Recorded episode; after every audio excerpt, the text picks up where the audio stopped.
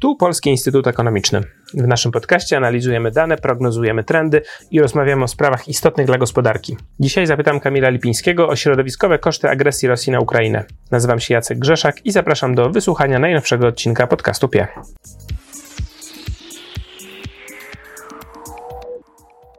Cześć Kamilu. Dzień dobry. Chyba cały świat widzi ten niegasnący od wielu miesięcy płomień niedaleko granicy Rosji z Finlandią. Myślę, że to jest taki symbol tych emisji związanych z wojną, związanych z rosyjską agresją, ale też pośrednio e, z sankcjami, no bo w tym przypadku mówimy o spalaniu tego gazu, który normalnie by szedł gazociągiem Nord Stream. Zaczynam od takiego symbolu, tak powiem, graficznego, wspominanego w artykułach. Natomiast to tylko jeden z bardzo wielu przykładów dodatkowych emisji związanych w ostatnich miesiącach z tą rosyjską niesprowokowaną agresją. Czy jesteśmy w stanie oszacować efekty klimatyczne tych ostatnich miesięcy konfliktu?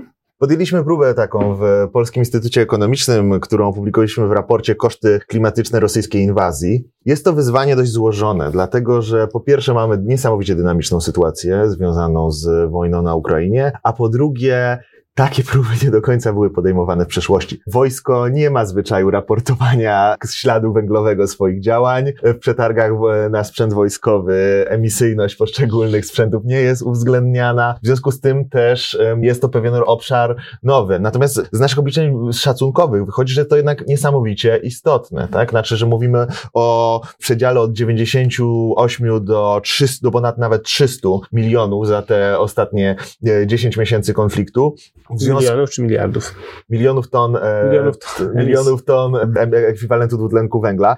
To jest w sensie w wypadku, jak mówimy o sumach poniżej czy powyżej 300, to jest to, ile, to jest mniej więcej tyle, ile Unia Europejska cała planowała zredukować, obniżyć mhm. od 2022 do 2030 łącznie. W sensie, jak się doda rok po roku, ile od, od tego od 22 obniżamy, no to rzeczywiście tyle. Więc jakby rzeczywiście, jeżeli zależy nam na, katas- na zapobiedzeniu katastrofie klimatycznej, no to te koszty wojenne, które wcześniej właściwie nie były uwzględniane, są niesamowicie istotne. Jak słusznie zwrócił uwagę prezydent Zełenski na szczycie klimatycznym w Egipcie, bez pokoju na Ukrainie będzie bardzo trudno mówić o e, zapobieżeniu katastrofie klimatycznej. No dobrze, to ja od razu zapytam, czy nie sądzisz, bo to można właśnie interpretować w taki sposób, trzeba zintensyfikować działania, żeby zapobiec katastrofie klimatycznej, ale jest też dużo głosów, powiedzmy, sceptycznych, już może nawet nie sceptycznych wobec jakby całej nauki stojącej za kryzysem klimatycznym, ale właśnie sceptycznych wobec możliwości naszego wpływania na to środowisko. Jest dużo takich defetystycznych głosów, okej, okay, my sobie tu będziemy, nie wiem, przesiadać się z samochodów na rowery, my będziemy chłodzić nasze mieszkania i nie będziemy się opalać węglem, bo dbamy o środowisko i o CO2, ale tam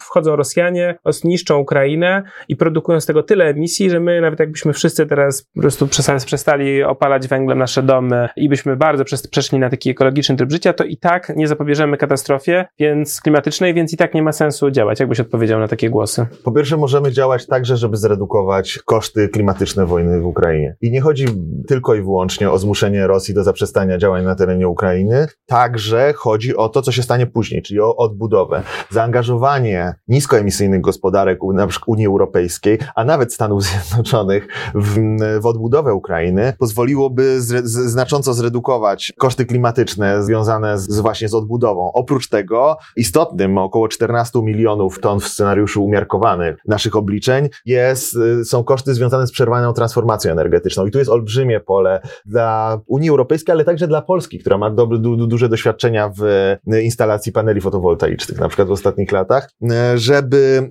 te zniszczone OZE, około 30% OZE zostało zniszczonych już w wyniku działań wojennych, nie, znaczy, a to należy pamiętać przy tym, że elektrownie wodne są cały czas stosunkowo sprawne, więc jeżeli, jeżeli mówimy o elektrowniach wiatrowych i fotowoltaicznych, to tu jest jeszcze gorzej. Więc rzeczywiście przed wojną Ukraina w latach 2016-2021 bardzo dynamicznie rozwijała odnawialne źródła energii. Ośmiokrotnie zwiększyła moce w fotowoltaice, trzykrotnie zwiększyła moce w energetyce wiatrowej. W tym momencie ta transformacja no, jest przynajmniej zawieszona. Jeżeli Ukraina będzie zostawiona po, po wojnie samym sobie, po prostu nie będzie miała środków, żeby już, po, już przed wojną było tak, że Ukraina przyjęła dość wysokie taryfy gwarantowane dla wsparcia paneli fotowoltaicznych, budowy paneli fotowoltaicznych i musiała się z nich powoli wycofywać. Więc tym bardziej tutaj jest olbrzymie pole do działania dla gospodarek rozwiniętych państw Unii Europejskiej, żeby po pierwsze wspierać Ukrainę w konflikcie, wspierać zaprowadzenie pokoju poprzez wycofanie wojsk rosyjskich, ale także odbu- zielona odbudowa Ukrainy i wznowienie i przyspieszenie transformacji energetycznej Ukrainy będzie tutaj odgrywało bardzo istotną rolę. Więc nie mówimy o, raczej o scenariuszu albo albo. Albo ignorujemy klimat, albo ignorujemy klimat i palimy węglem, bo Rosja i tak najechała na Ukrainę, albo po prostu my zaciskamy pasa, ale to nie ma znaczenia, tylko raczej odwrotnie. Jeżeli chcemy rzeczywiście zapobiec katastrofie klimatycznej, po prostu musimy zrobić to i to.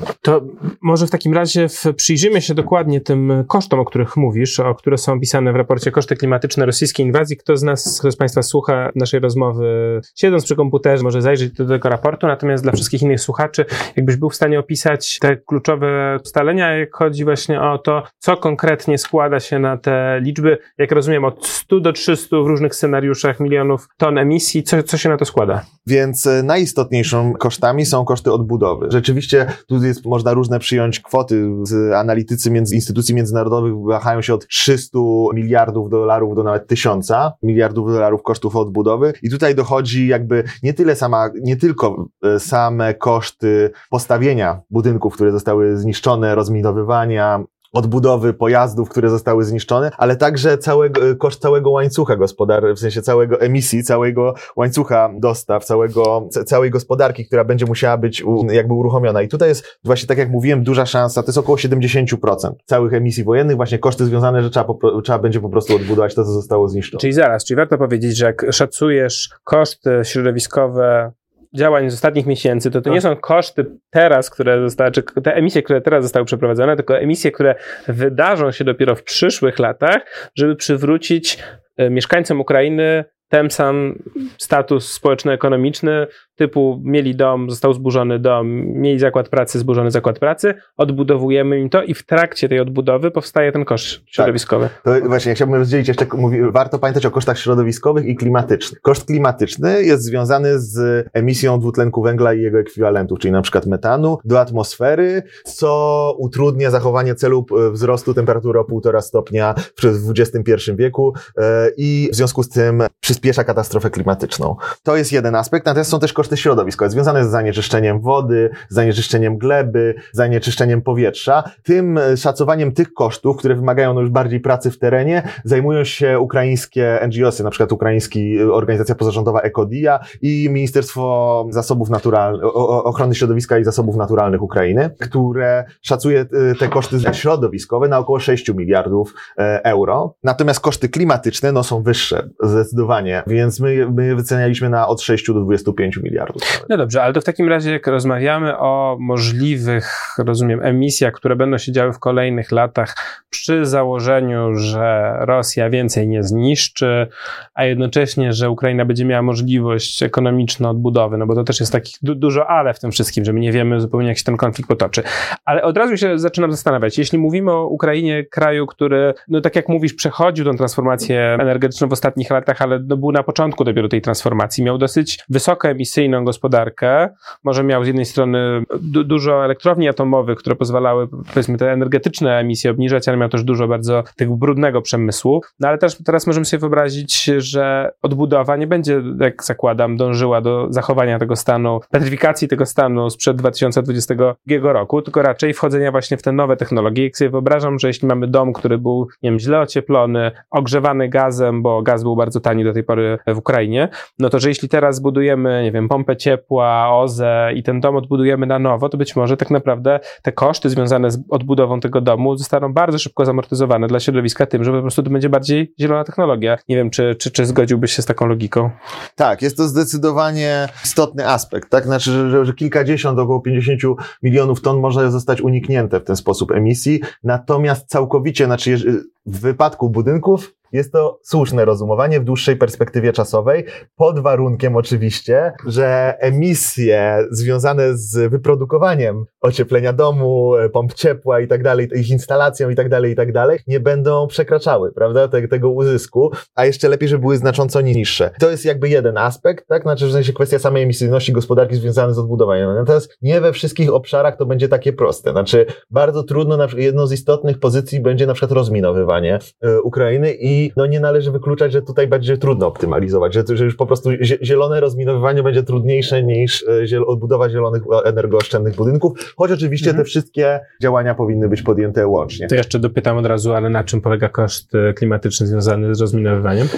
No po pierwsze e, mówimy o całym łańcuchu e, dostaw. E, nie, tutaj nie jestem ekspertem, jeżeli chodzi o rozminowywanie. Czyli chodzi raczej przygotowanie wszystkich narzędzi do rozminowywania tak. niż sama czynność usuwania. No później usuwania, no właśnie no pytanie też na poligonie, później usuwanie tych okay. materiałów wybuchowych, więc to, to, to też jest związane z emisjami. To jest pierwsza pozycja, mówimy o 70% głównym, czyli o odbudowie, która rzeczywiście będzie rozłożona na latach. Kolejno jest przerwana energetyczna transformacja związana ze zniszczonymi OZE, z Mm, i koniecznością ich odbudowy. Wcześniej jeszcze jest na poziomie kilkunastu, na poziomie 10% są migracje. I nie chodzi o samo przemieszczanie się, choć mówimy o 7 milionach ludzi wewnątrz samej Ukrainy mniej więcej drugim o 6,5 miliona, e, które wyjechały z Ukrainy. I tylko także pobyt tych osób, które pracują, konsumują w gospodarkach, gdzie, konsumu, gdzie, gdzie konsumpcja energii na mieszkańca jest wyższa, więc docelowo ona będzie się przybliżać, znaczy konsumpcja tych e, osób, które przebywają. W związku z tym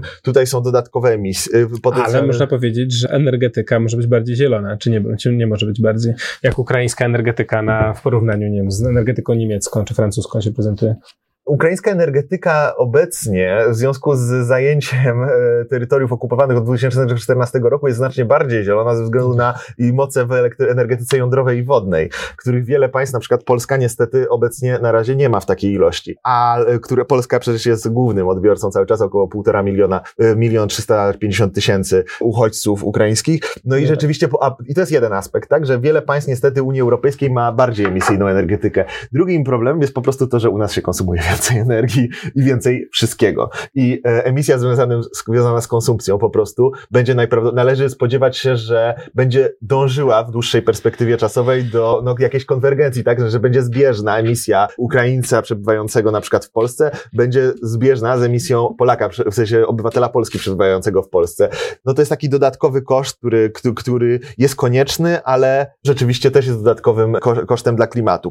Kolejnym no to są pożary, tak? Znaczy, jak spojrzymy spojrzymy na mapę anomalii termicznych e, firm z NASA Ukrainy, no to zobaczymy, że porównamy ten rok z przeszłym, to rzeczywiście zobaczymy, że Ukraina płonie po prostu. Znaczy około 40% jest większa moc anomalii termicznych w porównaniu do poprzedniego roku na terenie całej Ukrainy, jak się to sumuje. Tu jest pytanie, sensie jest szereg baz danych, z których korzystaliśmy, żeby oszacować pożary lasów. Tu jest niestety dość szeroki przedział, tak? Znaczy, bo rzeczywiście trzeba będzie wejść na te terytoria obecnie zajmowane na przykład przez armię rosyjską i ocenić te straty, ocenić ile zostało z, spalony na poszczególnych terenach, no to jest od 50 do nawet 300 tysięcy hektarów lasów, więc oczywiście one też ocena dokładnej emisyjności poszczególnych obszarów leśnych będzie też rozłożona w czasie, no natomiast tutaj mówimy o od 13 do 27 milionów e, ton w zależności od scenariusza dwutlenku węgla, więc jest to też istotny obszar, to jest na przykład znacznie więcej niż e, część państw w ogóle emituje e, rocznie, na przykład Słowenia to jest 13 milionów ton CO2, więc rzeczywiście to jest też istotne. No oprócz tego mamy emisje związane z z niszczeniem zapasów ropy i gazu. Być może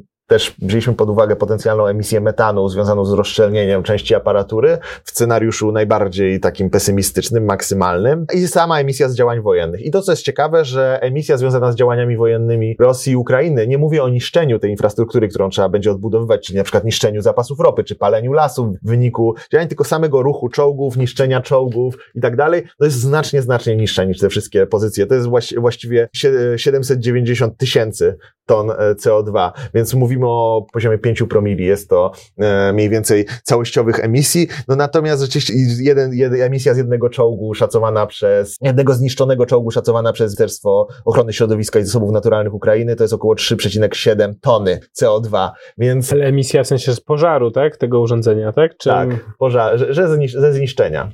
Ale oprócz tego jest oczywiście, i, i, to, i to jest w ogóle pikuś, znaczy zniszczony sprzęt wojskowy, on jest oczywiście też zawyżany przez Federację Czy Rosyjską. to nie jest nawet pozytywne środowiskowe, jeśli taki sprzęt wojskowy dużo pali Ale pali zazwyczaj państwo niestety go chce z powrotem Dobra, mieć, więc Zamienia odbudowywuje e, swój, swój potencjał militarny. Oczywiście demilitaryzacja świata w dłuższej perspektywie byłaby korzystna klimatycznie, no natomiast w kontekście właśnie niestety rosyjskiej inwazji jest mało prawdopodobna. Tak, ale to chyba oczywiście dotykamy takich dużo bardziej głębszych pytań stojących za, za, za metodologią tego rodzaju badań i też tym, jak w ogóle myślimy o tych kosztach, o kosztach środowiskowych, w tym sensie, tak jak mówisz, że z jednej strony armia generuje koszty środowiskowe, ale można sobie wyobrazić, jeśli armia pilnuje państwa, które jest odpowiedzialne klimatycznie, przed państwem, które nie jest odpowiedzialne klimatycznie, no to w długim okresie można powiedzieć, że dominacja państw, które, które chcą zwiększać emisję, jest powiedzmy mniej, mniej korzystna. No to jest dużo takich rzeczywiście szerszych pytań. Bardzo dziękuję za rozmowę. Moim Państwa gościem był dzisiaj Kamil Lipiński, a wszystkich zainteresowanych odsyłam e, do raportu opublikowanego w ostatnim tygodniu przez WIE. Dziękuję. Dziękuję.